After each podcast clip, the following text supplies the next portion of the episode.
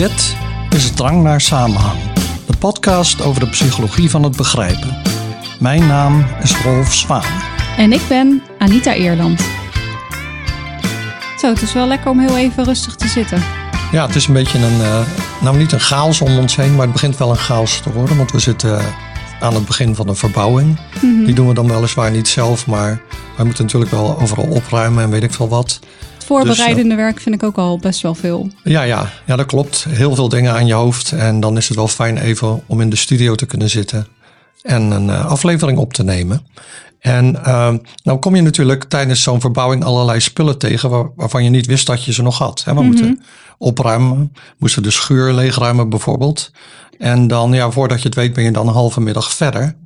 Want uh, je komt dan dingen tegen en die uh, wekken dan een bepaald gevoel van nostalgie op. Herinneringen aan het verleden. Mhm.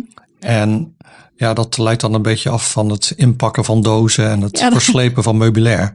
Ja, precies. Dat schiet er dus niet zo op, hè? Nee, Met het opruimen. nee. Dus dan zou je denken van, ja, nostalgie, dat eh, is dus een afleiding. Mhm. Ehm, maar nostalgie kan ook allerlei positieve effecten hebben. En recentelijk is er een verzameling artikelen verschenen in het tijdschrift Current Opinion in Psychology over dit onderwerp, over nostalgie. En wij dachten dat het wel leuk was, of in ieder geval dacht ik dat, ehm, om het daarover te gaan hebben. En eh, ja, er waren, ik weet niet hoeveel artikelen precies, maar laten we zeggen 14 of zo. Ja, waren er best wel veel. En daar werd een beetje in zitten kijken van eh, wat zou interessant zijn voor de podcast. En jij hebt er geloof ik drie gevonden en ik ook. Zoiets. Nou, ik heb, ja, ik heb er drie uitgekozen waarvan ik dacht, wat daarin staat is eh, misschien wel interessant Ja. om te vertellen in het kader van eh, nostalgie. Mhm. En dan is de eerste vraag natuurlijk, wat is dan precies nostalgie? Wat Ja. verstaan we daaronder?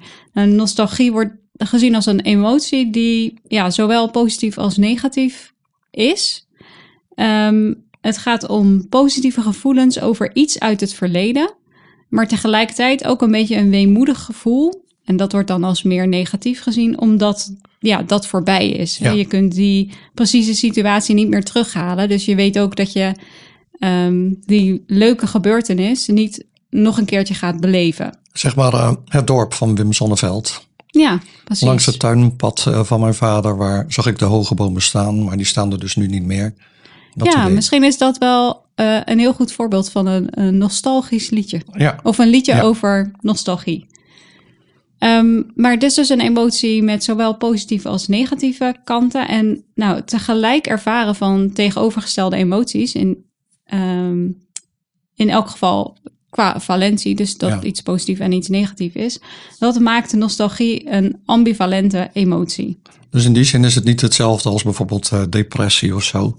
Nee, want eh, bij depressie wordt er eigenlijk helemaal geen plezier beleefd. Dus ook niet uit dingen uit het, aan dingen uit het verleden. En dat is bij nostalgie wel zo. Je, je kijkt met een positief gevoel terug op iets uit het verleden. En het negatieve komt eigenlijk alleen maar voort uit het feit dat je beseft dat het voorbij is. Ja, oh ja, ja, ja.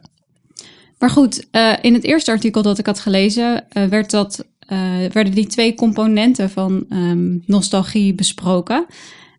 En de au- auteur zeiden ja, dat idee dat nostalgie een ambivalente emotie is en uit positieve en negatieve componenten bestaat, dat, dat baseren we eigenlijk op onze eigen ervaring. En de vraag is natuurlijk, wat weten we hierover vanuit wetenschappelijk onderzoek? Dus kunnen we het idee dat nostalgie zowel positieve als negatieve eh, gevoelens oproept, kunnen we dat onderbouwen met wetenschappelijk bewijs? Ja. En dat blijkt te kunnen. Dus ook uit wetenschappelijke studies blijkt dat nostalgie wordt geassocieerd met plezier en met verlies. En die associatie met plezier blijkt sterker te zijn dan de associatie met verlies. Hebben ze dat onderzocht met vragenlijsten of zo? Of, eh, Ja, ze hebben dat met Ja. allerlei verschillende studies onderzocht. Eh, Wat ik zelf een leuke studie vond, was er eentje op ehm, social media. mhm. Dan hebben ze gekeken naar eh, Facebook-posts van mensen. Ik bedoel, die zijn Ja. natuurlijk gewoon beschikbaar. Dus dan kun je eh, heel veel data kun je van eh, Facebook halen om te onderzoeken. En ehm, ze hebben die posts opgezocht door te zoeken op woorden als nostalgic, down memory lane, those were the days. Dus Mhm. omschrijvingen van nostalgie. En daarnaast hebben ze posts opgezocht die juist niet zulke woorden bevatten. En uiteindelijk hadden ze een database van 10.000 nostalgische en 10.000 niet-nostalgische posts. Mhm. En die hebben ze op tekstniveau geanalyseerd. Dus ze hebben dan met een tekstprogramma gekeken. Kunnen, kunnen, zijn er verschillen in hoe mensen schrijven over nostalgische versus niet-nostalgische gebeurtenissen? Ze hebben bijvoorbeeld gekeken naar hoe emotioneel de posts waren. Dus Mhm. dan kun je het aantal emotiewoorden laten tellen door zo'n Ja. programma. En eh, bijna een derde van de nostalgische posts bevatten eh, positieve en negatieve emotiewoorden. Dus Mhm. daar zie je die ambivalentie heel duidelijk in. En eh, voor de niet-nostalgische posts was dat 13%. Dus eh 1 achtste Ja, ongeveer. Oké, dus dat is dan nou ja, zo'n 20% lager, zeg maar. 33 min 13. Ja. Ja. Dus dat is best wel een verschil. Nou, dat is in ieder geval een significant verschil. En nou ja, onder andere op basis van dit soort onderzoek wordt dus eh, gesteld dat er wetenschappelijk bewijs is dat nostalgie een ambivalente eh, emotie is. Ja, Maar het is niet alleen een eh, ambivalente emotie, maar ook een heel erg sociale emotie. dus wanneer ervaren we dan nostalgie volgens dit onderzoek? Nou, nostalgie kan opgeroepen worden door allerlei verschillende dingen. Ehm, heel bekend is muziek Mhm. natuurlijk. Hè, dat je een liedje hoort en dat doet je denken aan bepaalde dingen. Ja, Ehm, dat trouwens, dat, dat viel me op. Ik had toen ik zag van hè, een themanummer over nostalgie, dacht ik, nou, dan is er vast wel iets over muziek. Maar er was geen enkel artikel over muziek echt. Nee, ik Nee. heb wel één artikel gelezen waarin ze heel kort zeiden: muziek kan emotie Ja. of eh, kan nostalgie oproepen, maar ze gingen niet heel diep in op het onderzoek daarnaar. Nee, Ehm, het lijkt me toch eigenlijk best wel leuk onderzoek om te doen. ja. Ja, het is er misschien wel, maar het stond in ieder geval niet in deze verzameling Nee. die wij hebben bekeken. Maar goed, muziek is dus een heel bekende uitlokker zeg maar, van nostalgie.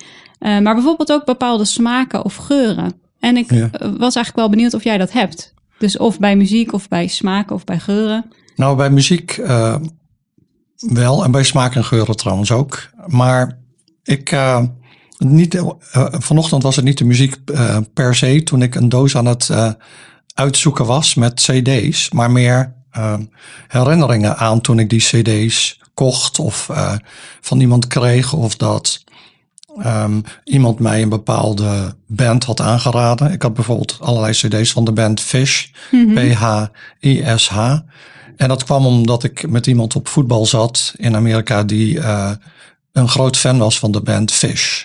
En dat is een soort, het is een Amerikaanse band die vooral veel improviseert. Mhm. Nadat ze volgens mij heel veel wiet gerookt hebben en al hun fans ook.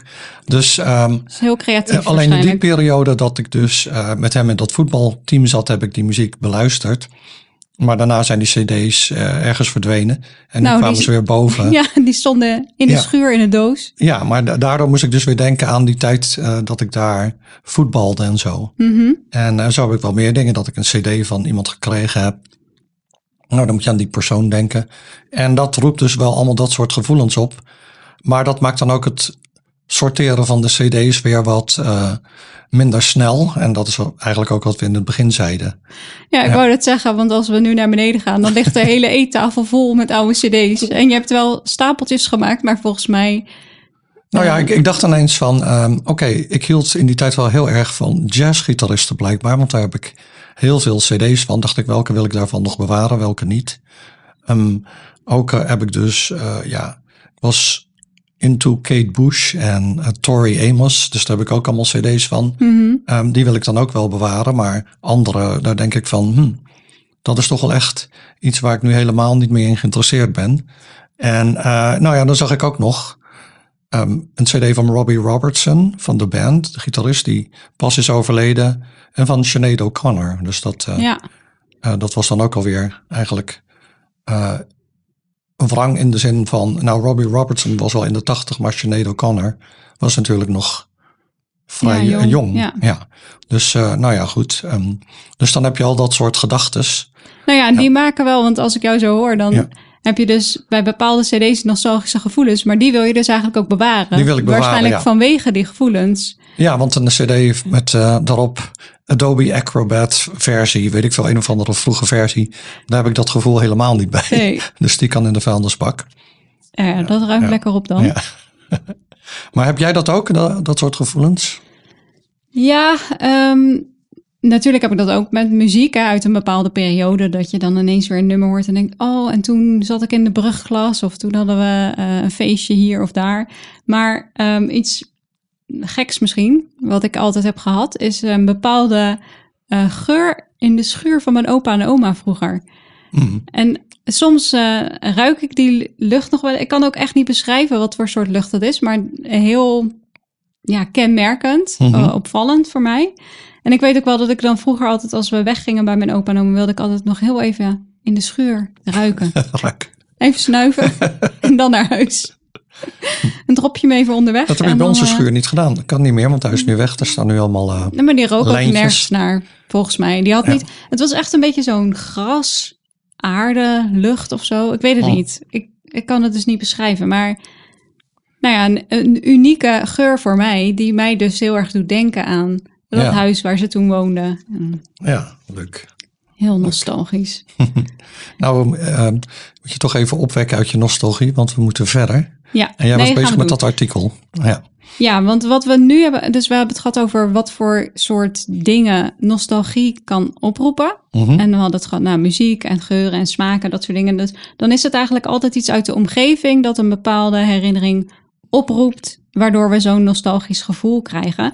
Maar het kan ook zo zijn dat iets in onszelf een bepaald nostalgisch gevoel uitlokt. ja. En uit onderzoek is gebleken dat mensen bijvoorbeeld nostalgische gevoelens kunnen krijgen in reactie op met name negatieve zaken. Dus Mhm. ehm, dat vond ik wel grappig. Een koude omgevingstemperatuur kan ervoor zorgen dat Oh. mensen meer nostalgisch worden.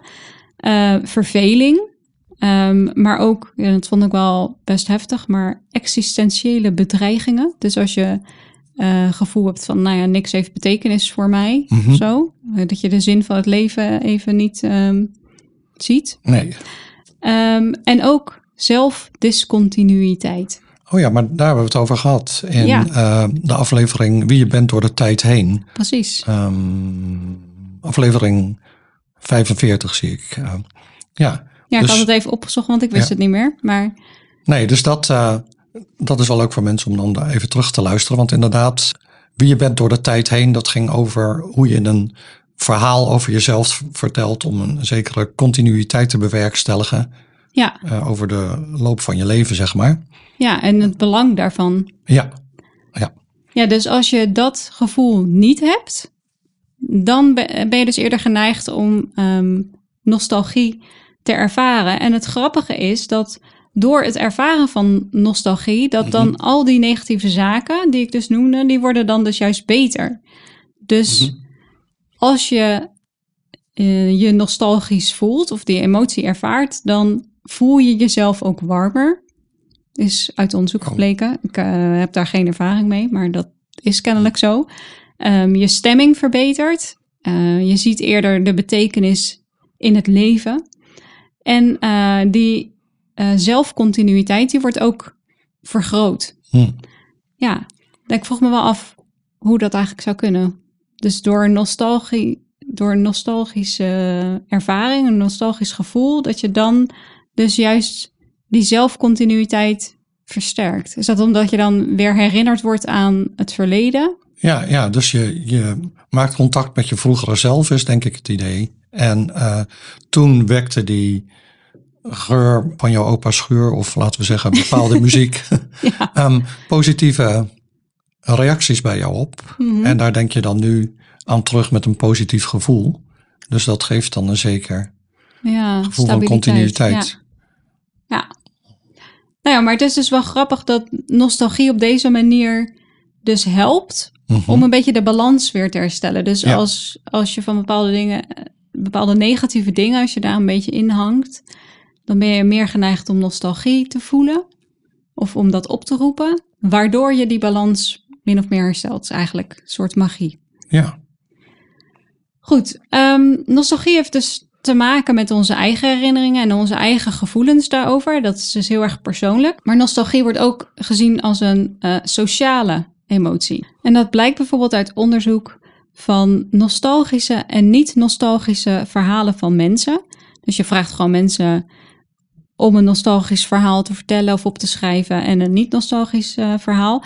En als je die verhalen dan analyseert, dan, dan blijken nostalgische verhalen bijna altijd te gaan over andere mensen. Dus Hmm. vrienden en familieleden zijn daarbij betrokken.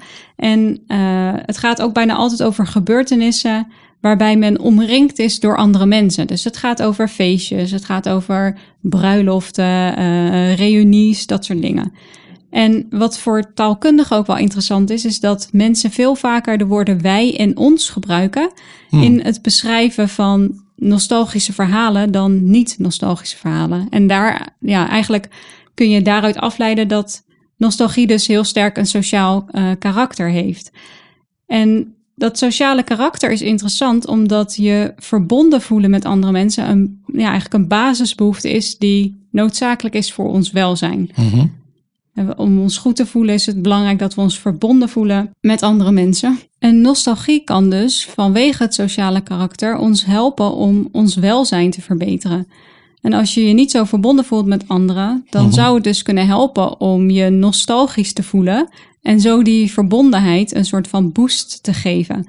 Nou is er een interessante studie gedaan tijdens de coronapandemie, waarin we natuurlijk noodgedwongen ja, ons minder of anders verbonden voelden met de mensen om ons mm-hmm. heen. En uit die studie bleek dat uh, eenzaamheid een toename in nostalgische gevoelens kon voorspellen. Dus dat ja, ja. als je je eenzaam voelt, dat je dan kennelijk meer geneigd bent om nostalgische gevoelens op te roepen. Ja, dat is misschien wel een uh, mooie brug naar uh, waar ik het over wilde gaan hebben, namelijk uh, collectieve nostalgie. En dan zul je jou vragen, wat is dat dan? Nou ja, wat het niet is, is onschuldig dagdromen over het verleden van, van jouw groep. Maar het is dat je dus dat er een verleden wordt opgeroepen waarin alles beter was. We hebben ook een aflevering over vroeger was alles beter. Mm-hmm. En dat wekt dan een bepaald nostalgisch gevoel in mensen op. En daardoor gaan ze dan een bepaalde actie of een bepaald beleid steunen. Want ze willen dan dat die kernwaarden die opgeroepen zijn, dat die terugkomen. En dus je kunt denken aan Trump's Make America Great Again. Mm-hmm. Dus het was great, maar het is verpest door de Democraten. Uh, of, en weet ik veel door wie allemaal. Maar nu gaan we het weer maken zoals het was. Make it great again. Mm-hmm. En zo'n groepsgerichte emotie richt dus de, de aandacht op een bepaalde verschuiving. Wat jij discontinuïteit noemde, of zoals dat in dat onderzoek heet. Dus mensen denken de wereld is nu anders waarin wij leven, dan hoe die vroeger was. Vroeger was alles veel beter. En uh, daar moeten we naar terug. Dat denken dan sommige mensen. Hè? En wat je dan ook ziet in een studie die gedaan is in Nederland bijvoorbeeld, is dat als mensen gemanipuleerd worden om die cognitieve of collectieve discontinuïteit te voelen, dus uh, je wekt ideeën op van vroeger was alles beter dan nu, dan tonen ze een grotere bereidheid om, laten we zeggen, de religieuze uitingsrechten van moslims te beperken. En dus bijvoorbeeld hoofddoeken dragen of wat dan ook, dat, daar, daar zijn ze dan, dat willen ze dan beperken. Want hun gevoel van collectieve continuïteit wordt dan uh, bedreigd. En ze willen dan die grens versterken tussen de, de mensen die erbij zijn gekomen en hun eigen groep. Nou, dus dan zou je zeggen dat nostalgie eigenlijk helemaal niet zo'n positieve emotie is. Nou, dan kan het nog wel een, een positieve emotie zijn. Hij kan alleen op een niet zo positieve manier gebruikt worden. Ja, omdat je er heel erg conservatief van wordt. N nou, daar ga ik het over hebben of dat echt zo is. Oh, nou ja, ja zo klinkt het in ieder geval. Ja. Van dat je dan wil dat. En je roept een soort herinnering op aan het verleden. Waarin alles beter was, of zo mm-hmm. wordt het gepresenteerd. Ja, dan willen ja. mensen graag dat het weer zo wordt. Of Ja. dat het uh, veel minder uh, verandert. Mhm. Dus dan ga je, ja, dan lijkt me dat dat dan meer conservatief is. Maar goed, ja, dat is een eh, logische ik, eh, gedachte ook. Ja. Ik, ik hoor graag eh, wat jij daarover hebt gelezen. ja, nou dan ga ik je over vertellen. Dus wat jij al zei over individuen is dat eh, nostalgie een beetje fungeert als een soort, eh, je zou haast kunnen zeggen, kalmeermiddel. Hè? Dus mensen voelen zich, hebben een gevoel van onbehagen of wat dan ook. En dan nostalgie is dan een middel om dat gevoel Ja, meer een regulatiemiddel, ja, denk ja ik. precies. Dan ja. een kalmeringsmiddel. Maar ja, dat is waar. Kalmeringsmiddel. om die balans, eh, om je, als je meer in het negatieve zit, om dat dan weer een beetje eh, omhoog te trekken. Ja, kalmeermiddel was meer mijn eigen term. Die st- stond niet in het artikel. Ehm, dus dat had je goed En het is, ook geen, het is ook geen eh, oppepper of zo hoor. Voor mensen Nee, nee. die nu denken, ik voel me een beetje somber. Ik, ik, eh, Ja. Ik ga even plaatjes draaien van... eh, ja, dat kan misschien trouwens nog best wel helpen. ja, oh, dat zou kunnen helpen, ja. Ja, Maar, maar we hadden het dus nu over collectieve nostalgie. Dus die volgt, ja, die vormt dan inderdaad een soort regulatiemechanisme. Mhm. eh, als, als er bepaalde onrustgevoelens zijn in een groep.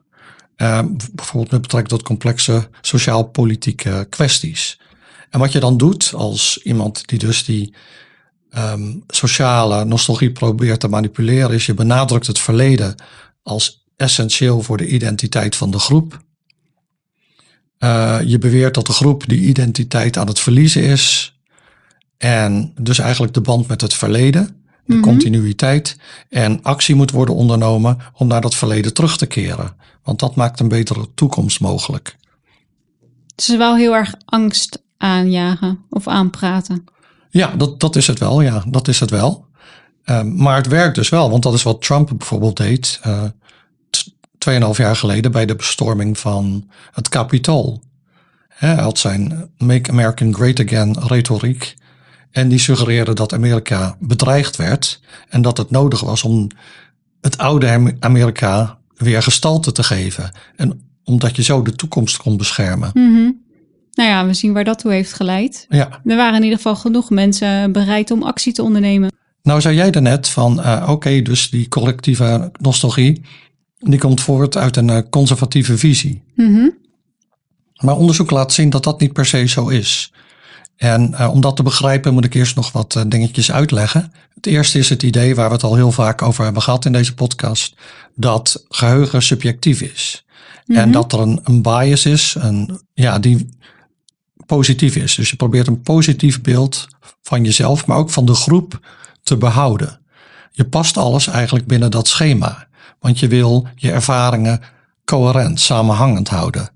Ja, Maar- dus dat is ook waarom dingen uit het verleden, waarom je je die soms anders en meestal rooskleuriger herinnert dan ze daadwerkelijk Ja. waren. Ja. Maar binnen een maatschappij zijn er natuurlijk verschillen tussen groepen. En er zijn dus ook verschillen in hoe die groepen hun eigen geschiedenis zien. En hoe ze herinneringen daaraan vormen. Dat hangt af van hun persoonlijke kijk op de groep. Mhm. Dus als je aan mensen alle- alleen maar vraagt van voel je collectieve nostalgie? Ja, zo vraag je dat natuurlijk niet precies, want eh, dan begrijpen mensen niet waar je het over hebt. Mhm. Maar als je daar dus naar vraagt in ieder geval, dan doe je dat te algemeen. Want binnen die groep die je bevraagt kunnen verschillende subgroepen zitten. En de ene groep kan denken aan, laten we zeggen, Michiel de Ruiter of Cornelis Tromp. Maar een andere, andere groep kan denken aan religieuze tolerantie. Bijvoorbeeld in de tijd van Spinoza en zo. En eh, dus je gooit eigenlijk alles op één hoop. En dat wekt dan de indruk een beetje dat collectieve nostalgie alleen maar conservatief is. Maar wat je dus moet doen is je moet preciezer kijken. Als je dat doet, dan zie je dus ook dat er collectieve eh, nostalgie is in linkse kringen. En je kunt dat opwekken. Dat hebben ze gedaan in onderzoek naar eh, Poolse jongeren. Die deden mee aan een workshop en dan leerden ze over het, het samenleven dat er vroeger was tussen christenen en joden in Polen. En daar hadden ze dan over geleerd. En daarna werden ze bevraagd over eh, tolerantie. Eh, waren ze voor een openere Poolse samenleving? En dat was dan inderdaad zo. En ze hadden minder nostalgie voor een homogene maatschappij. Ja, dat is wel een goed punt. Want eigenlijk ga je ervan uit dat alles beter is geworden. Mhm. Dus als je teruggaat in de tijd, meer behoudend bent, als je terug verlangt naar vroeger, dat je dan altijd conservatief bent. Maar er zijn natuurlijk ook veranderingen geweest, juist de andere kant op. Dat Ja. er vroeger meer vrijheid was bijvoorbeeld, of meer tolerantie dan nu. En Ja. dan is het juist niet conservatief als je terug verlangt naar vroeger. Ja, Ja. In, in die zin is conservatief een, natuurlijk, het betekent alleen maar behoudend. Dus je wil Ja. sommige dingen behouden en andere niet. En eh, nou ja, in het verleden zijn er dan altijd dingen die je misschien wel wil behouden en, en, en niet. En dat verschilt dan tussen groepen. En eh, in Amerika is dat dan ook gevonden. Want na de verkiezing van Trump in 2016 ervoeren veel Amerikanen een collectieve nostalgie voor de Obama-regering. Ja. Terwijl die nou niet per se heel succesvol was. Maar uh, er zijn dus wel individuele verschillen in die Obama-nostalgie. En als je die dus heel sterk voelde, dan, nou ja, dan was je heel negatief over uh, Trump. Zelfs los van uh, of je nu republikein of democraat was. En los van wat je eerder gestemd had. Dus wat je, wat je daar vond was dus wel dat, nou als je die Obama-nostalgie had, ja, dan, dan was, had je dus een soort linksere uh, nostalgie. Ja. En waar het uh, dus om gaat is de inhoud van de collectieve nostalgie. Waar zijn mensen nog nostalgisch over? Maar die collectieve nostalgie is dus wel een uh, krachtig mechanisme dat aangewend kan worden om bepaalde politieke doelen te bereiken. En, maar dat is over het hele politieke spectrum, van uh, rechts tot links. Het is eigenlijk wel interessant om te kijken of we dat terugzien in de aankomende verkiezingscampagnes. Ja. Ik bedoel, er staan verkiezingen voor de deur, ja. landelijke verkiezingen. Ik ben wel benieuwd of we, nu we het daarover hebben gehad, of we dat dan ook terugzien in hoe bepaalde partijen zich presenteren bijvoorbeeld. In hoeverre ze een beroep doen op uh, deze collectieve nostalgie. Ja, oh, dat, uh, ja, dat zie je eigenlijk altijd wel. Dus ik denk ja, dat ik heb er dus nooit op gelet. Dus nu, nu ik dit weet, mm -hmm. ga ik daar misschien dus ook anders naar kijken. En dan valt het misschien ineens op. Dat is altijd zo. Ja. Ja, dus spelen waarschijnlijk nog allerlei andere dingen een rol. Zoals de progressieve partijen worden geacht vooruit te kijken. Maar ja, dan zou het zo kunnen zijn van uh, in het verleden deden we dingen die we daarna niet deden. Maar voor de goede toekomst zouden we het dus nu weer wel moeten doen. Ja. En uh, nou ja, dat, dat, dat is wel interessant om dat te bekijken, ja. Ik denk dat, dat, daar, dat je dat daar ook gaat zien. Nou ja, nu hebben we dus um, twee categorieën van artikelen uh, besproken. Je had het over individuele nostalgie en ik over collectieve nostalgie. Mm -hmm. Maar er waren nog meer artikelen die onze aandacht uh, trokken. En daar hebben we er nog twee van, elk één. Ja, ik heb nog heel kort gekeken. Nou, het was ook maar een heel kort artikel, dus ik hoefde er niet lang naar te kijken. maar over nostalgie en uh, consumentengedrag. Ik dacht, oh ja, leuk. Even kijken wat ze daar, uh, wat ze doen in dat onderzoeksveld. En blijkt dat onderzoekers die kijken naar consumentengedrag eigenlijk al best wel lang geïnteresseerd zijn in nostalgie. En de vraag is of nostalgie ervoor zorgt dat we positiever denken over merken bijvoorbeeld. Of dat we eerder geneigd zijn om een bepaald product te kopen. Als dat product bij ons uh, nostalgische gevoelens oproept. Um, ja, kun je een voorbeeld geven? Ik zat te denken, je hebt uh, natuurlijk die pindakaas reclames waar dan... Uh, waar je dan zogenaamd bekende sporters als kind ziet. En mm -hmm. dan toen konden ze ook al goed voetballen of weet ik wat ze konden. En ja. nu eten ze nog steeds pindakaas, zoiets. Nou ja, dat is een voorbeeld van mensen terugnemen naar het verleden, naar een bepaalde tijd. Eh, dat de winters koud waren en je kon nog schaatsen op het ijs. En nou ja, mensen herkennen dat soort uh, beelden. Je kan als uh, bedrijf, dus als verkopende partij, kun je op verschillende manieren zo'n gevoel van nostalgie oproepen. Uh, je kan namelijk ook denken aan het gebruik van bepaalde woorden, zoals traditioneel of mm -hmm. uh, naar oorspronkelijk recept. Nou, we zitten hier in de studio en ik heb hier een gitaar staan, een Fender Telecaster Vintage. Uh, hij is niet vintage in de zin van dat hij twee ton heeft gekost en uit 1956 is, maar hij is wel precies volgens de specificaties van hoe die gitaren gemaakt werden. In dit geval in de jaren 50. En dat dus, roept vast een bepaald nostalgisch gevoel op, of niet? Nou, ik was toen nog niet geboren, maar um, nee, dat maar is dan je, wel het idee. ja, ja, ja, precies. Ja, ja. Dat wel, dat je je verbonden voelt met het verleden. Mm -hmm. En uh, een ding ademt dat ook een beetje uit, omdat het, uh, ja, het is niet zo gepolijst, zeg maar, qua uh, hoe het eruit ziet als nieuwere gitaren. En ook een beetje de kleuren die ze gebruiken. En die, die kleuren, daarmee wordt soms ook in reclames gespeeld. Als je iets met, als je iets met sepia beelden doet bijvoorbeeld. Mm -hmm. Dus dat het een beetje gelig ja. wordt. Ja. Daarmee geef je ook het idee, dat er op het gevoel op dat iets oud is. Ja. En dus kun je nostalgische gevoelens oproepen. Maar wat bedrijven soms ook doen, is dat ze teruggrijpen op bijvoorbeeld een ouder logo. Ja. Dus logo's ja. veranderen soms over de tijd heen. En dan op een bepaald moment eh, grijpt een bedrijf weer terug op eh, het oorspronkelijke logo. En dat roept ook bepaalde gevoelens van nostalgie op. En dat zie je bijvoorbeeld ook met Ja, voetbalshirtjes. wou ik net zeggen. Ik Ja. vind, nou, nou ja, je ziet het soms met het Nederlands elftal, maar bijvoorbeeld Ja. ook, ehm, nou ja, wij krijgen dan de nieuwsbrief, of tenminste ik in ieder geval, van Feyenoord. En dan Ik als ook, er nieuwe mij. shirtjes zijn, dan eh, nou ja, krijg je daar eh, een update van. Maar dan leggen ze ook altijd uit waarom ze voor een bepaald ontwerp hebben gekozen. En heel vaak staat erbij van dit shirt doet denken aan die en die periode. Of is Ja. gebaseerd op de tijd waarin, bla bla bla. Nou, en dat roept dus ook allemaal nostalgische gevoelens op. Ja, want ik weet nog dat het Nederlands elftal een tijd, eh, uit de tijd van Van Persie, hadden ze, een, het uitshirt was dan wit met zo'n rood-wit-blauwe Oh ja, band. ja, of een V of eh, iets in die geest. volgens mij zo'n zo'n band, Schuine band. Ja, Ja, Ik heb dat shirt zelfs nog zelf. Maar eh, dat was, ja, dat, dat werd gedragen in de jaren twintig of zo, weet ik veel. Ehm, maar dat, ja, dat is wel leuk als ze dat inderdaad doen. En je ziet dat heel erg in de, met, eh, met dus muziekinstrumenten. ehm, met, nou ja, eh, LP's die ze dan, of, ja, dat, dat je nu weer LP's hebt en zo. Mhm. Die toch wat onhandiger zijn dan streamen, zeg maar. Je moet hem na 20 minuten moet je dat ding omdraaien. Na een tijd komt er een kras in en zo. Maar toch eh, willen mensen dan terug naar dat verleden. ja. En een Precies. beetje snap ik het ook wel. Want toen, ja, ik had dat als kind ook. Dan had je een LP-hoes en er stond de tekst in van de nummers. Er stond ook wie welk instrument speelde en wie de producer was en zo. Dus dat hield je dan allemaal bij. En terwijl je naar die muziek luisterde, zat je met die LP-hoes voor je neus. Mhm. En dat, met een CD had je dat al niet. Nou ja, met streamen heb je het helemaal niet. Nee, dat klopt. Dus eh, dat is dan een voorbeeld daarvan, denk ik. Ja, nu is er wel nog enige onduidelijkheid over of het oproepen van nostalgie nou in alle situaties leidt tot een betere verkoop. Dat ligt aan allerlei factoren, maar daar gaan we het eh, niet over hebben. Maar in ieder geval, het idee is dat het wel helpt, het oproepen van Mhm. nostalgie bij de verkoop van eh, producten.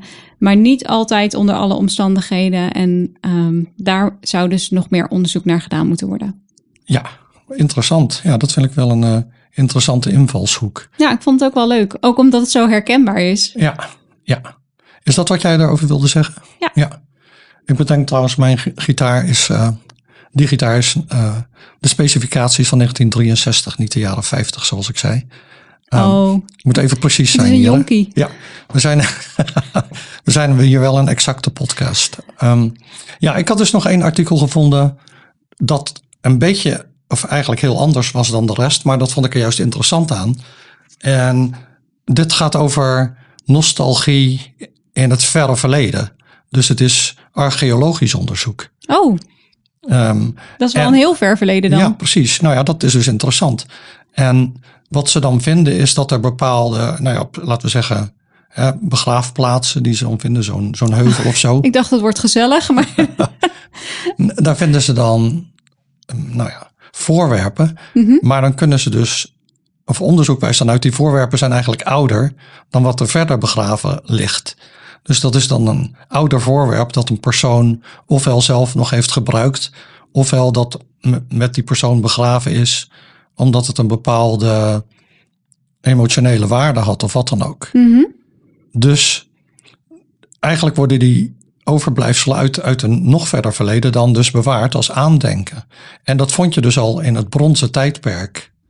En ze hebben eh, vondsten gedaan in, in Groot-Brittannië. En dan eh, doen ze ook genetisch onderzoek. En dan vinden ze dus dat, ehm, dat er verwantschap is tussen bepaalde overblijfselen van mensen. En zo kun je dan eh, familielijnen ontdekken. Mhm. En eh, dan vind je dus ook voorwerpen in die lijnen, zeg maar. En dat geeft dus wel aan dat mensen proberen dan hun familielijn te bewaren, zeg maar. En zich eh, dat te blijven herinneren. En die voorwerpen zijn dan een manier om dat te doen. Het zijn manieren om dus de levenden en de gestorvenen met elkaar te verbinden. Dus dat vind ik wel een interessante invalshoek. ja. En dat heb je dus niet alleen met voorwerpen, maar je hebt het ook met locaties. Je hebt heel vaak natuurlijk dat een kasteel op een ander oud kasteel wordt gebouwd, of een kerk of een, op een moskee of omgekeerd. Dat soort dingen heb je wel. dus het kan praktisch zijn om oude ruimte te hergebruiken. Je kan ook bepaalde materialen nog gebruiken.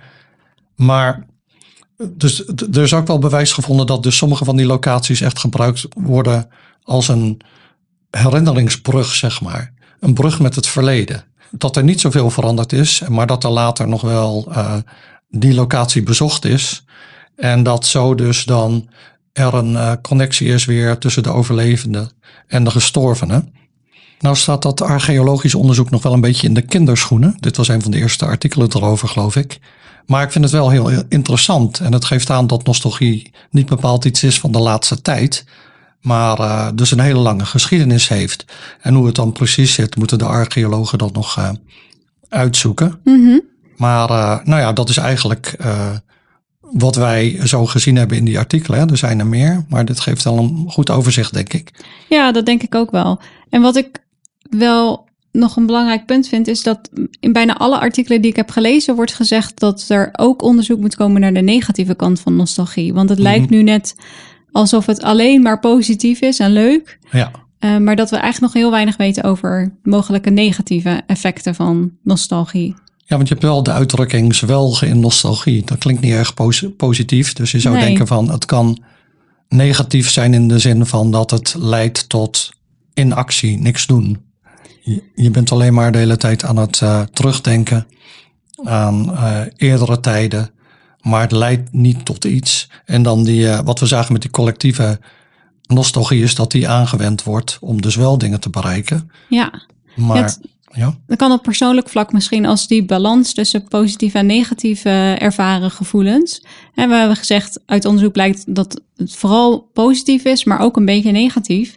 Dat als die balans verschuift en je hebt bij nostalgie met name negatieve gevoelens over het feit dat iets leuks is afgelopen, dat het dan iets negatiefs kan worden. Ja.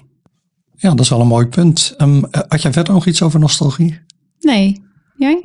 Nee. Nou oké, dan kan ik nu gaan luisteren naar mijn uh, cd's van Paulus de Boskabouter.